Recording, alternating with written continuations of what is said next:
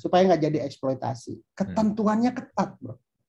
Hmm. Ketentuan peraturan itu ketat, nggak boleh lebih dari 20 persen eh, karyawan tetap. Hmm. Sekarang kalau banyakkan anak intern dibanding karyawan permanen siapa yang bimbing? Karena pembimbing itu wajib ada. Welcome to Talk to Talk Podcast. Let's Talk Now bersama gue Andri dan gue kedatangan seorang guest yang untuk kesekian kalinya gue udah lupa keberapa kalinya.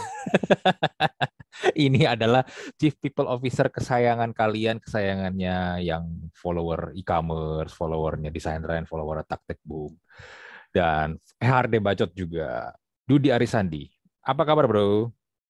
Oh good, oh good, aman, sehat. Aman, aman bro ya, sehat-sehat ya terlepas MU kalam dulu ya. Bukan. Tetap gitu ya. Yeah. Itulah nasib. Masalahnya iya. posting lagi. Masalahnya lihat MU kalah itu gimana ya bro ya? Sebenarnya gue juga prihatin lihat MU kalah, tapi yang lucu ya lihat fans-fans kalau Scott Justin bilang fans kardusnya MU itu yang lucu kalau diperhatiin kalau MU lagi kalah. Reaksinya tuh priceless, priceless banget soalnya. But anyway, kita nggak mau bahas MU karena udah banyak channel bola atau podcast bola lain yang udah banyak menghina Manchester United. kita nih pengen ini pas kita recording nih lagi rame-ramenya ada satu startup. Startup PKT tentang edukasi. Tapi lagi rame di spill sama yang anak-anak yang magang di startup tersebut. Karena ternyata mereka laporan sih dieksploitasi oleh startup ya, terutama CEO-nya ya. Nah, mereka dijanjikan katanya ada semacam upah atau insentif gitu 100 ribu per bulan. Jadi mereka magang tiga bulan, tapi itu pun nggak dibayar, anehkan dibayar juga banyak potongannya. Lalu kalau misalnya mereka juga dalam tiga bulan apa dari tiga bulan itu tidak full, itu katanya ada denda lima ratus ribu. Nah, lalu juga katanya dipekerjakannya pun full time malah juga overtime sama kayak karyawan biasa, karyawan tetap. Ini kan hitungannya anak. Gue baca tuh. Hitungannya anak magang. Ini kan juga lagi rame banget. Gue yakin lu juga pasti baca, bro. Tapi mungkin buat yang mendengarkan atau nonton episode podcast kali ini mungkin ada yang belum sempat baca. Gua sih pengen share beberapa inilah ya, beberapa DM dari orang-orang yang sempat laporan, sempat curhat ke akunnya Taktik Boom. Gue juga gue udah sempat kontak Taktik Boom juga. Dia bilang, oke okay, silakan lu pakai aja beberapa kalau gua dia bilang feel free kok. Gue coba share uh, beberapa ininya buat buat yang dengerin ini di Spotify atau di platform-platform audio lain kan pasti nggak ini ya, nggak nggak bisa lihat. Gua gue coba bacain lah ya. Ini ada satu laporan dia tulisnya begini. Hi Min Boom, I want to raise awareness as well regarding this issue. There is this there is this so-called startup that did their interns really dirty. I was one of their victim. Startup ini memberi kami target performa dari tugas ke setiap intern yang mana bebannya sama dengan pegawai full time mereka. Soal upah 100 ribu per bulan. Itu pun masih dipotong sekian persen tergantung performa kami. Jadi 100 ribu pun juga ini ya, nggak pasti nih. Yang kami hmm. sendiri nggak tahu gimana perhitungan pemotongannya. Sangat tidak transparan.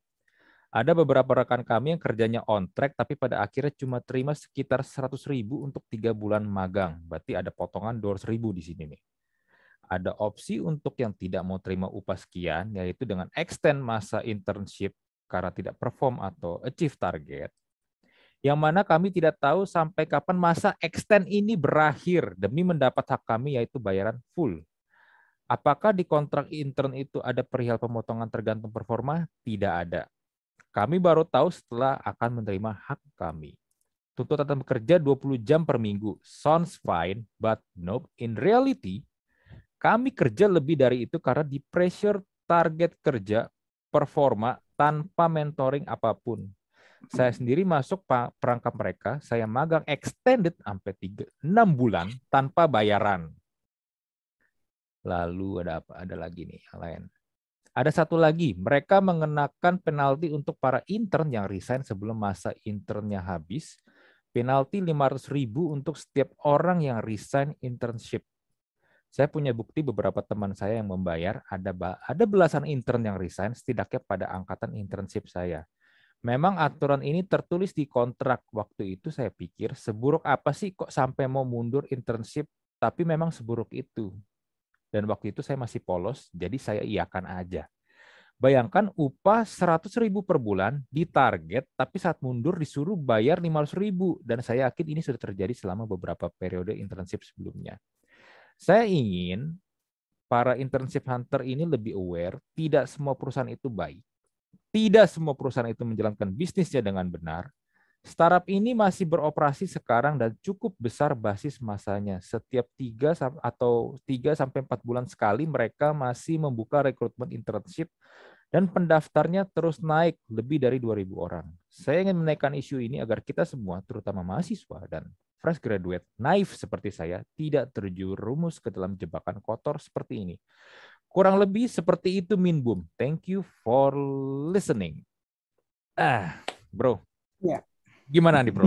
Lu yang pasti lebih paham aturannya, undang-undangnya, aturan mainnya, cara mainnya gimana? Lu gimana melihat ini? Ini menurut gue laporan yang ini nih udah ini lah, udah cukup, udah cukup mewakili laporan-laporan yang lain sih kalau menurut gue. Sangat sangat sangat mewakili. Hmm. Seperti gini gini. Hmm. Awalnya gue ngerasa kadang-kadang kan yang gini tuh mungkin ada orang yang apa ya, ada orang yang kecewa gitu loh bro ya. Hmm. Ada orang yang kesel kali gitu ya. Tapi setelah diikutin gitu ya, terus diperhatiin, uh, ternyata gitu ya, kok jadi ada beberapa yang mengamini gitu ya. Bahkan ada beberapa aku lihat di Twitter itu malah langsung ngetag CEO-nya gitu ya. Hmm ya tuh biasanya sih kalau di situasi ini as a human ya aku sih cuma hmm. mau doain semoga hmm. mereka yang melakukan seperti ini juga dapat hidayah kali ya with all my respect gitu with all hmm. my respect hmm. ya ini kan negara ada aturan main hmm. itu aja ya atau gini deh bro gak usah ngomongin aturan main hmm. Misalnya nggak ada peraturannya nih hmm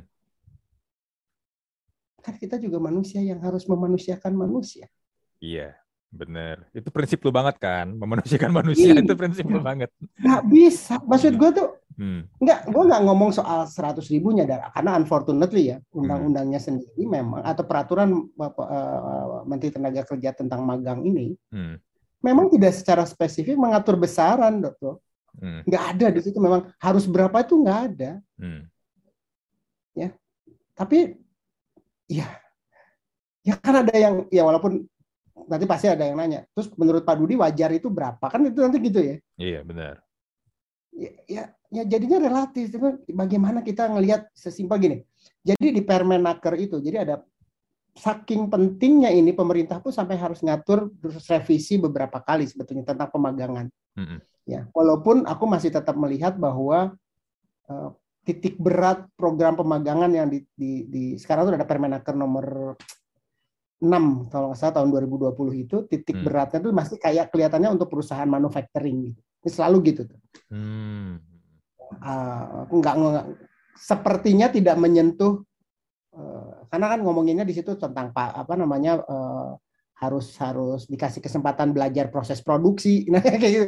Hmm. Ya itu hmm. kan berarti dari peraturannya sendiri sepertinya gitu ya Hmm. Sepertinya itu memang hanya uh, di do domainnya itu di uh, manufacturing atau di pabrik karena ngomonginnya produksi. Tapi balik lagi peraturan ini terkait sama ketenaga kerjaan dan nggak di nggak bisa dipisah-pisah gitu loh. So ini artinya berlaku umum kalau menurut aku ya. Hmm. Aku bukan orang hukum tapi by logic ini artinya berlaku umum buat sistem pemagangan kerja nasional gitu ya. Hmm. Hmm. Karena uh, peraturan Menteri Tenaga Kerjanya juga begitu tentang penyelenggaraan pemagangan dalam di dalam negeri disebutnya itu begitu hmm. isi permenakernya di situ tuh diatur gitu loh diatur siapa yang berhak gitu ya harus harus ada lembaga yang jelas harus ada pembimbing harus ada mentoring hmm. enggak dan dan banyak hal lain yang sebenarnya kalau kita ikutin itu aja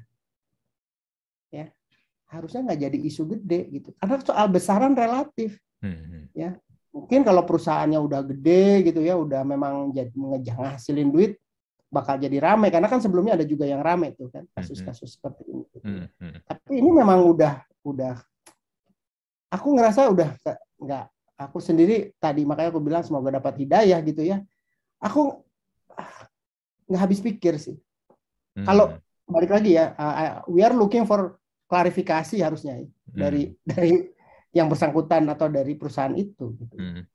tapi kalau enggak ya jangan-jangan memang ya udah gitu itu yang yang mereka lakukan buat hmm. aku sih normatifnya saja mungkin dipenuhi tapi etik tadi yang memanusiakan manusianya nggak ada. Hmm. Hmm, hmm, hmm. Aku nggak mau basa-basi nih kalau soal gini. Hmm. Jadi memang secara peraturan memang tidak diatur besarannya berapa ya? Ada. Hmm. ada. Karena kalau yang uh, pekerja kan ada upah minimum ya. Iya benar. Kalau di peraturan Menaker ini nggak ada eh, hmm. uh, mengenai besaran. Hanya dia sebutkan tuh kalau nggak salah mencakup transport, makan dan lain-lain. Tapi mencakup. Jadi boleh misalnya tuh boleh uh, satu angka tapi itu udah semuanya all in gitu. Hmm. Hmm. Nah, terus Tapi jangan salah bro, gini gini, jangan salah supaya nggak jadi eksploitasi. Ketentuannya ketat bro. Hmm. Ketentuan peraturan itu ketat, nggak boleh lebih dari 20 persen eh, karyawan tetap. Hmm. Sekarang kalau banyakkan anak intern dibanding karyawan permanen siapa yang bimbing? Karena pembimbing itu wajib ada. Hmm. Wajib ada sifatnya, bukan sunnah. wajib tuh. Hmm, hmm, hmm. Bener, bener, bener. Nah, tapi kalau gue lihat di case-nya ini pada bilang jumlah internnya lebih banyak dibandingkan jumlah karyawan tetapnya. 70 persen katanya tuh isinya intern. itu itu berarti udah ini ya, udah udah sangat sangat kalau kalau ngikutin ya. balik ya balik nih ke hmm. peraturan, ya salah bro. Hmm. Berarti kan salah. Ya, lalu, maaf nih gitu. Lalu untuk jam kerja sendiri, bro, apakah anak intern itu boleh dikasih jam kerja seperti karyawan tetap atau karyawan pada umumnya? Sih, yang baru itu nggak nemu ya eh, hmm. mengenai lamanya jam kerja. Mungkin aku aku yang kurang baca ya, tapi aku nggak hmm. hmm. nggak hmm. nggak apa namanya sampai sekarang itu nggak ada yang diatur tuh malah kayak usia gitu mereka atur kalau anak 17 tahun harus dapat izin orang tua gitu-gitu malah ada. Hmm. Tapi kalau jam kerja ya mungkin nanti uh, yang di uh, follower lu juga gitu bisa kasih komen tuh. Hmm. Ya apakah apa namanya uh, ada jam kerja. Aku sih belum lihat tuh bi honest ya mengenai mengenai jam kerja. Mungkin aku kelewat atau apa gitu aturannya. Hmm. Itu nggak ada ketentuan itu. Tetapi gini, di dalam perjanjian pemagangan ini juga nih penting Hmm. Perjanjiannya itu perjanjian pemagangan karena kalau aku lihat ada yang komen itu ternyata perjanjiannya itu katanya perjanjian kerja waktu tertentu atau oh, PKWT which is karyawan kontrak kan aneh yeah. gitu. Itu hmm. aja jadi salahnya tuh ber, berlipat tuh. Hmm. Pertama misalnya tadi melebihi gitu ya. Nggak ngomongin angka ya. Kalau angka tadi balik lagi kita nggak ada yang ngatur. Hmm. Tapi 20% itu udah dilanggar. Terus nggak ada pembimbing udah dilanggar. Hmm. Ya. Terus eh, apa yang barusan gue bilang? Uh, perjanjian kerjanya. Hmm, perjanjian kerja. kerjanya perjanjian, bukan perjanjian kerja pemagangan. Hmm. Nah, mengenai syarat-syarat dan lain-lain itu mestinya diatur di perjanjian pemagangan tadi soal jam kerja gitu ya. Hmm. Itu diaturnya di sana hak kewajibannya, kemudian uh, programnya sendiri, jangka waktu, besaran. Besaran hmm. uang saku. Soalnya kan uang saku tuh disebutnya bukan hmm. upah atau apa. Hmm. Besaran uang sakunya berapa. Itu harus diatur di dalam perjanjian pemagangannya. Harus diatur. Hmm. Dan itu jadi karena itu sifatnya perjanjian, jadi berlaku bagi dua belah pihak. Kalau ada yang melanggar, harusnya ada ketentuan jika ada para pihak yang melanggar tuh. Nah, hmm. kadang-kadang karena anak-anak kita juga anak ya ma mahasiswa tuh trennya lagi magang itu kayaknya keren gitu akhirnya mereka nggak sampai 2000 kan yang daftar tuh mm-hmm. Banyak ya sama ketiket pun gitu yang kampus Merdeka kemarin yang regis yang daftar tuh lebih dari 16 ribu karena mungkin melihatnya ini opportunity which is aku mm-hmm. aku mungkin lebih lebih lihat bahwa ini tuh manfaatnya sebenarnya bisa lebih besar buat mahasiswa. Hmm as long as we treat them well. We treat them not necessary harus luxury lah sebenarnya kan. Mm-hmm. Taat aturan main, sewajarnya tadi balik balik lagi jam kerja juga disepakati gitu kan. Hmm. Uh, kalau misalnya ada pelanggaran atau segala macam itu juga diatur di dalam perjanjian kerja. Cuman karena trennya hype-nya magang dan lain-lain mungkin wah yang penting magang, nggak lihat, nggak baca tuh bro, nggak baca perjanjian kerjanya. Hmm. Sebenarnya kalau ada pelanggaran perjanjian kerja ya tinggal di tinggal aja kalau gue sih kalau udah udah kayak gitu ya. Hmm. Adu adu kuat karena yang salah udah jelas kalau kayak gitu. Hmm. Bener bener. Sorry bukannya aku mau ngomporin nih ya. Hmm. Kalau aku jadi anak magangnya, aku keluar aja, nggak usah bayar yang lima ratus ribu, orang menyalahi kok aturannya. Iya bener. Kalau Tapi, mau beracara di pengadilan pun menang. Hmm. Tapi bro ya, mungkin ini kalau kita mencoba memposisikan diri kita nih, balik lagi jadi anak mahasiswa ya, jadi hmm. kayak masih kita lagi masih di kampus nih. Mungkin gua pun juga akan terjebak juga bro, karena gini loh, di kampus kita kan belajar ya sorry itu saya, gue menurut gue sistem pendidikan Indonesia masih mengajarkannya hanya teori dan menghafal, menghafal dan menghafal, ya kan? Untuk kayak begini-begini nih kan nggak diajarin. Padahal sebenarnya kan salah satu fungsi kita kuliah tujuannya adalah kita siap untuk nanti masuk dunia kerja, masuk ke industri kan. Hmm, hmm, hmm. Tapi kan kayak gini-gini nggak pernah diajarin kan? Ya kalau misalnya mereka kaget, mereka bingung, kok ternyata dunia kerja kayak begini. Oh ternyata nggak seindah yang dibayangkan. Oh ternyata masuk startup itu kayak begini, nggak seperti di TV series atau mungkin di drama Korea kemarin, atau whatever itu kan, yang mereka lihat di ini di media-media kan. Jadinya ketika melihat mereka melihat ada realita-realita kayak gini pun diancam mungkin ya, ada mungkin pengancaman atau mungkin ditakut-takutin sama orang-orang yang udah kerja di sana. Jadinya mereka pun juga jadi takut bro. Mungkin mereka merasa oh ya udah nih mau nggak mau gue harus ngikutin. Mau nggak mau gue harus jalanin. Kalau kalau enggak gue nanti nggak lulus magang nih. Wah gue gue mesti bayar nih lima ratus ribu nih. Walaupun sebenarnya memang kata lu bener kata lu nggak harus bayar ya tapi kan mereka udah kena framing seperti itu kan bro nah menurut gue sebenarnya ada banyak faktor sih sebenarnya yang membuat mereka seperti hmm. itu ya ya paham makanya aku bilang mahasiswa juga gitu ya gue tetap melihat pemagangan atau intensif ini perlu Hmm. Ya, karena tadi bahkan udah di endorse sama Kementerian Pendidikan sekarang. Mereka support loh dari sisi pendanaan lah atau apa gitu. Hmm. Artinya memang pemerintah concern dan mau gitu membantu uh, ya, siswa ini untuk bisa siap gitu ya uh, memasuki industri. Hmm. Ya, tapi bukan berarti uh, kita jadi nggak pinter gitu loh. Ya ini ini buat mahasiswa juga Baca aja deh, ini saya bilang, Permenaker nomor 6 tahun 2020, baca itu deh. Hmm. Paling nggak pahamin aturan itu. Ya, sehingga kalau ya memang nggak disebutin angka segala macam, at least gini, kan balik lagi kan banyak orang juga yang bilang masih untung bisa magang, masih untung selalu gitu terima magang. Yeah. Oke deh, masih hmm. untung, tapi hmm. ada ilmu dong yang kita dapat. Dapat dong kita pembimbingnya. Hmm. Belajar sesuatu dari perusahaan itu bukan dieksploitasi saja. Aku bilang pakai saja gitu ya. Karena balik lagi kan ada hak dan kewajiban. Kalau cuman kewajibannya aja yang dikedepankan oleh pihak perusahaan misalnya, nggak tahu katanya PT-nya aja nggak terdaftar. Tapi ini gue perlu denger loh, PT-nya nggak terdaftar. iya, aku ada ada yang bilang tadi aku ada.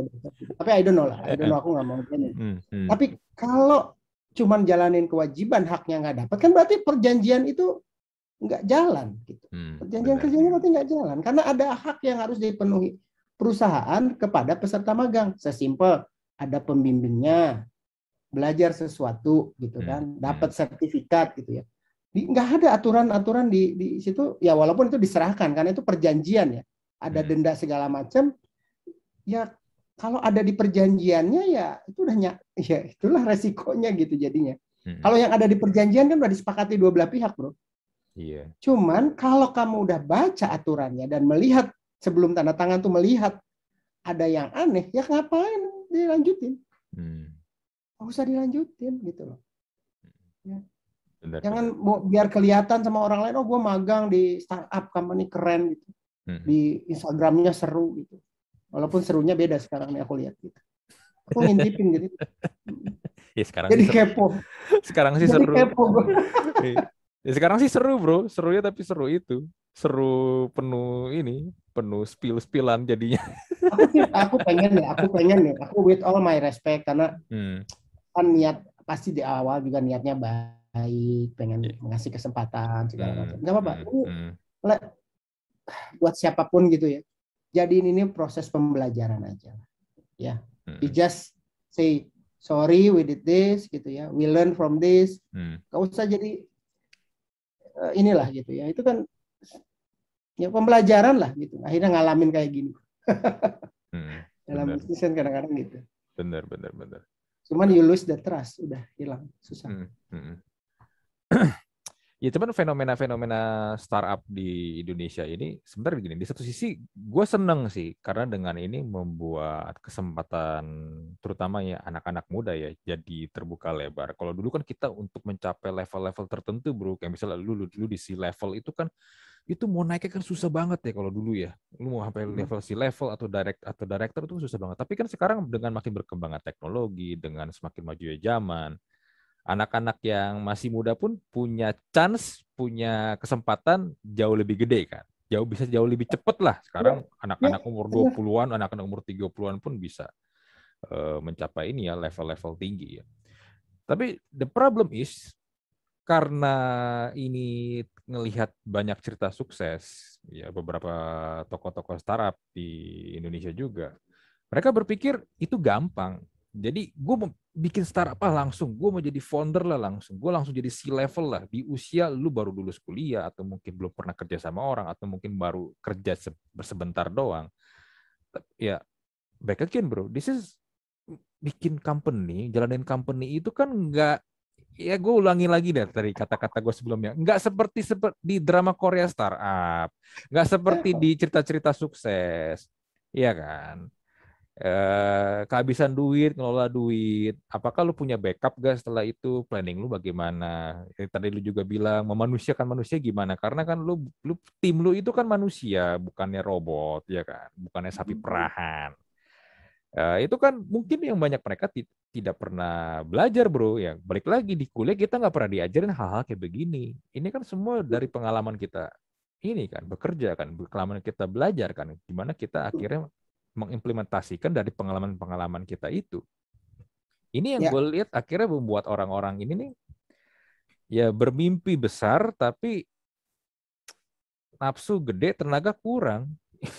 Ibaratnya kalau di bola skill lu kayak Ronaldo tapi fisik lu stamina lu kayak pemain-pemain di Liga Indonesia ya berat, nggak bakal bisa ke mana-mana. Iya kan? Ya kalau ini gue sih ngeliatnya juga untuk di contoh kasus ini mungkin dia juga ke kehabisan duit, dia nggak tahu bagaimana bisa kepikiran dengan cara seperti ini, akhirnya terjadilah kejadian ini kan. Iya, banyak faktor sebenarnya kan. Tapi yeah. ya sorry itu sih tapi menurut gue kalau lu memang belum siap sih emang ada baiknya lu kerja dulu sama orang. Itu nggak salah yes. sebenarnya. Nggak salah, nggak salah. Nggak salah. Hmm. Dan sebenarnya gini, kalau memang kan banyak juga yang berhasil, tapi yeah. ya iya. jangan terlalu kita obses banget pengen 30 under for under 30 yang sukses gitu ya gitu kayaknya. Hmm, benar. Aduh, terlalu terlalu dimakan sama media sosial. Lu pikir orang-orang itu tuh nggak ngalamin uh, susah ya gitu waktu yeah. ngebangun perusahaannya hmm. ya. Gue tahu banget karena gue dapat cerita dari founder-foundersnya tiket gimana uh, mereka juga kesulitan gitu ya untuk hmm. Hmm untuk uh, survive di awal-awal gitu ya sampai hmm, hmm. seluruh kartu kreditnya dipakai uh, lim sampai batas limit hanya untuk memastikan misalnya karyawan digaji misalnya gitu. Iya, yeah, yeah. gue tahu gue tahu cerita. Nat Natali pernah cerita soal ya.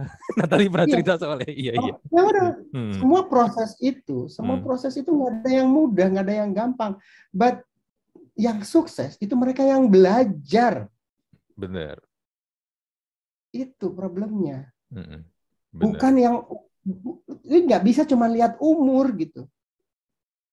Kalau cuma lihat umur, lu nggak bisa lihat siapa sebut deh yang, yang ini Rico misalnya Kohuang gitu ya. Hmm. Atau siapa gitu yang dulu ya para foundernya tiket gitu ya. Hmm. Gimana mereka survive gitu atau mungkin Zaki atau siapalah hmm. ya dulu Nadim gitu ya. Hmm. Pasti mereka ngalamin susahnya semua gitu. Hmm. Nggak instan. But I believe they treat people well in justru in the beginning, makanya mereka sukses. Benar. Benar, benar. Makanya mereka berhasil. Karena nggak di nggak ada gangguan justru di stage awal dengan isu-isu beginian. Mm-hmm. Kan people talk, bro. That's the problem. Kalau lu treat your employee gitu kan, it, if you want to win the marketplace, hmm. yang harus dimenangin pertama adalah your workplace. Hmm. Benar. Itu kuncinya gitu.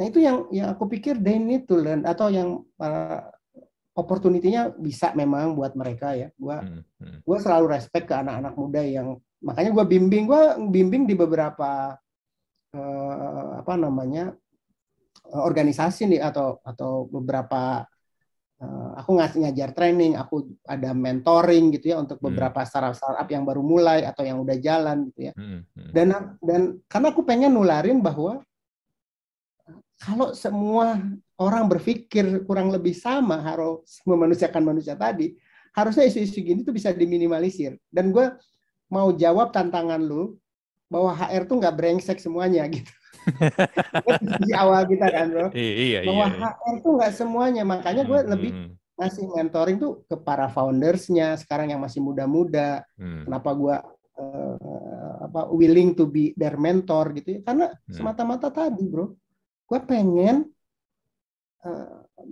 kita tuh punya kesadaran yang sama untuk treat uh, people itu as a people as a human hmm. not as a mesin gitu ya yang bisa dieksploitir gitu gitu ya nggak mesti luxury lah lu hmm. nggak usah bandingin let's say perusahaan ini dengan uh, unicorn atau dekakon kan udah nggak nggak bisa iya benar nggak ya. itu bukan itu kok hmm. tujuannya jauh perbandingannya juga kalau lu iya. bandinginnya sama dekakorn ya dekakorn kan udah settle duitnya udah banyak modalnya udah banyak cash flow-nya udah banyak lu jadi kalau dari gue ya kalau lu memang nggak duit lu terbatas, lu nggak punya, lu nggak bisa dapetin resource banyak, ya mau nggak mau lu memang lu harus kerjain sendiri sih.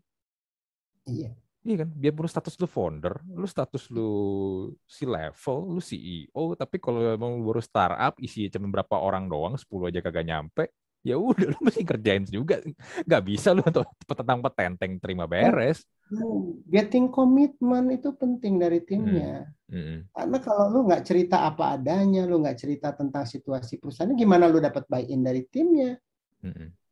Mungkin kalau mereka di treat well kenapa harus dikasih seratus ribu misalnya gitu ya hmm. dijelaskan situasinya seperti apa dan mereka dibimbing juga untuk bisa sama gitu ya untuk bisa membangun Indonesia lebih baik, hmm. orang juga bisa terima kali nggak ada spill-spill kayak gitu. Hmm. Ini Bener. spill itu muncul tuh kan karena treatment, ada jadi ke mana-mana denda dibahas, hmm. sampai sekarang muncul oh ternyata nggak ada belum selesai kuliahnya juga dibahas gitu. kan jadinya iya. netizen ya. Iya. Netizen jadi ke personal gitu. Hmm. Jadi di ini lu, lu di, di doxing habis-habisan jadinya. Karena lu orang jadi kesel sama lu nya Iya benar. Hmm. Itu dia.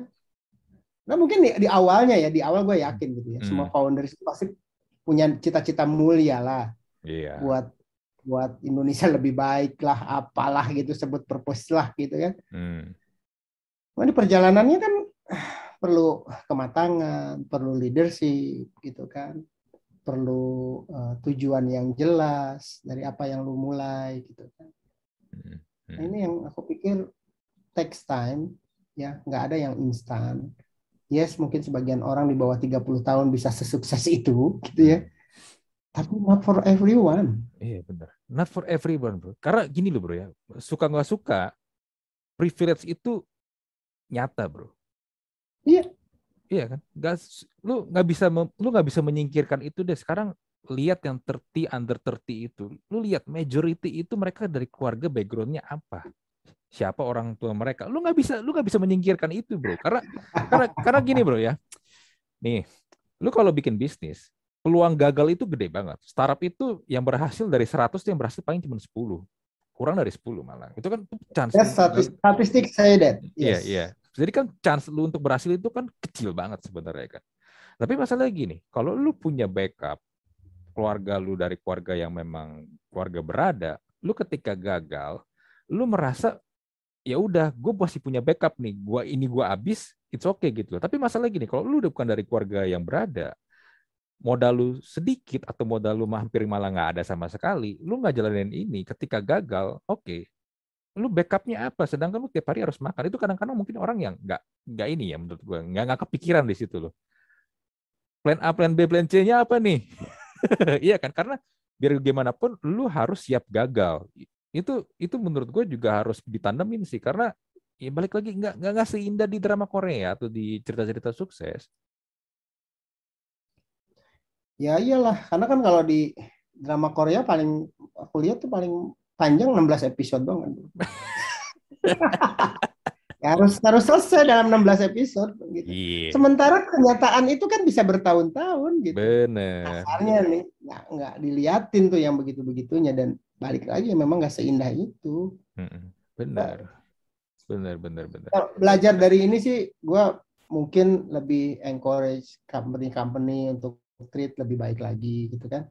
Hmm. Coba dibaca lagi aturan mainnya, coba dipenuhi. Mungkin juga pemerintah juga punya punya peran untuk uh, ngelihat lagi apakah ini masih relevan, apakah memang ini hanya fokus ke ke production gitu ya yang sifatnya manufacturing mungkin hmm. gitu ya. Hmm, hmm. Atau memang harus diatur sendiri secara terpisah ya de, regulatornya juga kan harus harus ambil bagian di sini gitu ya. Hmm. Nah, buat mahasiswa-mahasiswa gitu ya yang memang pengen belajar dunia nyata segala macam, pemagangan atau intensif itu is a good opportunity kok. Hmm. Ya, hmm. tapi jangan uh, apa istilahnya main hajar semuanya gitu. You need to check gitu kan. You need to to learn about the apa tentang aturan mainnya gitu ya. Uh, hmm. harus punya punya pemahaman juga paling enggak gitu kan. Um, terus apa uh, lakukan reference check, nanya-nanya temen lu gitu kan, mm-hmm. uh, company-nya seperti apa gitu, apa sih uh, benefit yang harus di apa namanya yang bakal kita dapat secara knowledge ya kita nggak usah ngomongin angka karena balik lagi gue susahnya itu adalah mm-hmm. memang nggak stated gitu loh, mm-hmm. gue nggak mau berdebat di situ gitu karena nanti antara wajar nggak wajarnya jadi rame gitu ya. Mm-hmm. Mau baca perjanjian kerjanya jangan asal tanda tangan gitu-gitu tuh hal-hal simpel yang kadang wah karena excited gitu ya. Wah gitu gue keterima hmm. nih magang pasti hmm. sampai lupa untuk hal-hal kayak gitu, gitu. Hmm. bener bener bener bener. Cross check itu yang penting ya.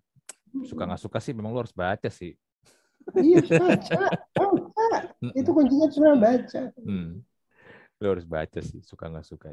Dan bener kata lo jangan senang dulu kalau udah terima. Kadang-kadang ya itu. Ya akhirnya ada kejadian kayak hmm. begini.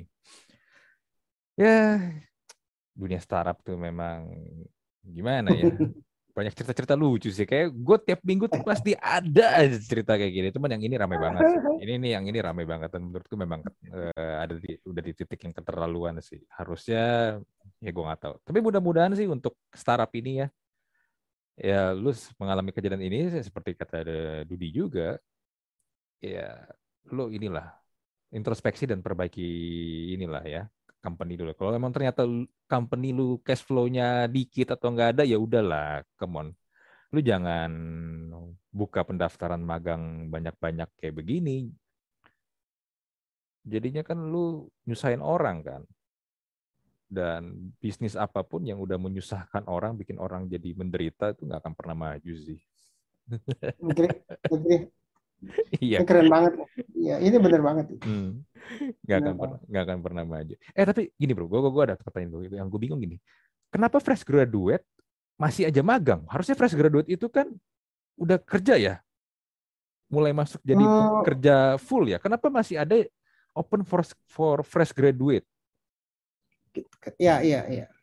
Karena pemagangan itu juga nggak diatur secara aturan harus harus uh, apa uh, bahwa fresh graduate nggak boleh nggak ada ketentuan itu. Oh. They can this is depend on company strategi juga sebenarnya. Hmm. Mau mau melihat itu uh, apa namanya sebagai salah satu sourcing sourcing gitu ya uh, strategi ya sah-sah aja balik lagi tapi aturan mainnya clear juga ngikutin aja aturan pemagangan gitu. hmm. atau kalau memang mau lebih safe ya PKWT tadi yang dibilang perjanjian kerja waktu tertentu atau kontrak lah kalau hmm. kalau kalau dulu dibilangnya tuh karyawan kontrak lah gitu karena nggak ada nggak ada ketentuan yang ngatur itu ya cuman kalau dia 17 tahun gitu kan Jadi minimal 18 tahun, kalau 17 tahun harus ada izin dari orang tua. Itu doang yang diatur, bro. Oh, gitu. Di luar di luar itu nggak ada ketentuan bahwa oh dia kalau lulus harus hmm. harus gini harus gitu gitu kan nggak ada gitu ya. Berarti eh, umur maksimal juga nggak juga nggak ada tuh. Jadi kayak gue diatur, nggak diatur. Kalau gue mau magang gitu bisa dong? Bisa, bisa bro. Cuman perusahaannya mau nggak kalau lu yang magang? Bikin pusing kan.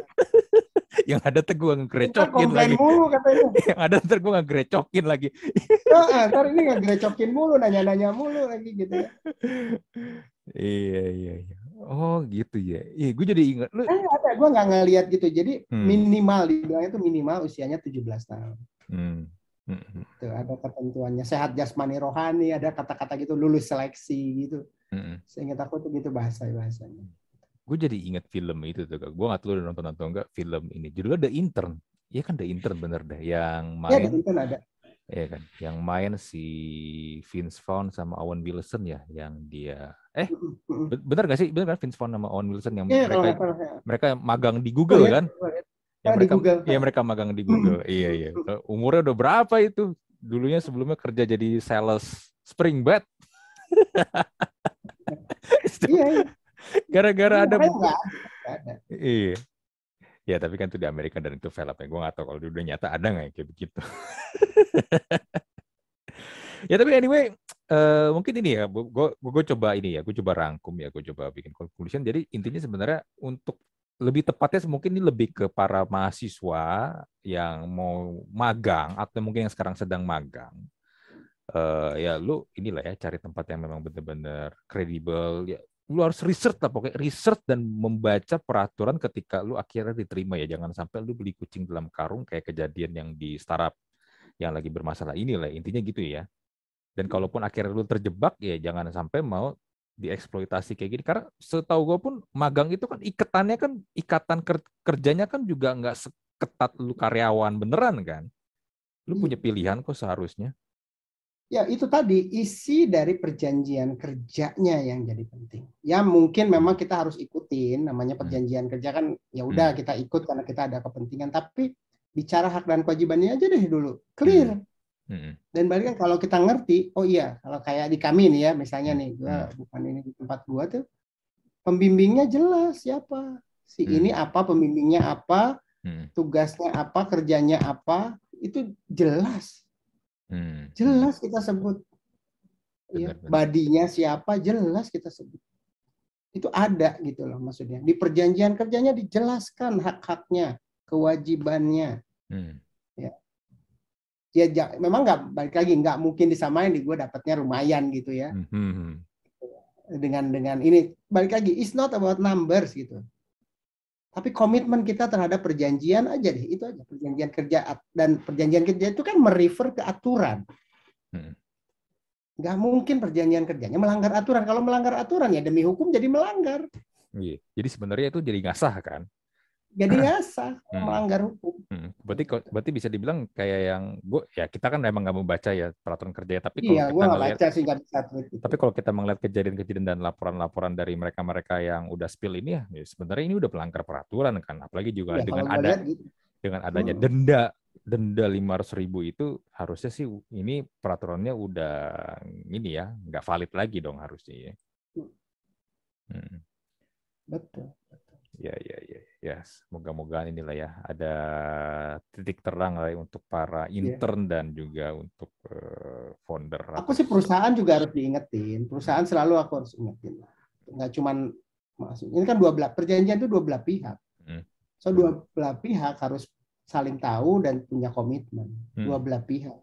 Ini hubungan dua belah pihak. Hmm. Perusahaannya juga harus tahu aturan, pekerjanya tahu aturan. Enak kan kalau kayak gitu. Hmm bener bener bener. Kalau okay. kata guru dua, guru guru yang ngajarin gua tentang peraturan tuh dia bilang jangan ada dusta di antara kita gitu katanya. itu kayak lagu lama deh kok nggak salah. iya emang karena yang ngajarin gua senior banget bro. Hey. Iya. Yang ngajarin gua senior banget. Hmm, bener bener bener. Makanya pakainya jangan ada dusta di antara kita kalau perjanjian kerja itu katanya. Gitu. Iya iya. iya. Oke deh, uh, mungkin ya. untuk startup yang lagi bermasalah ini ya I don't know. Mungkin kalau lu open intern lagi gue coba daftar ya lu coba ya terima gue ntar kita lihat.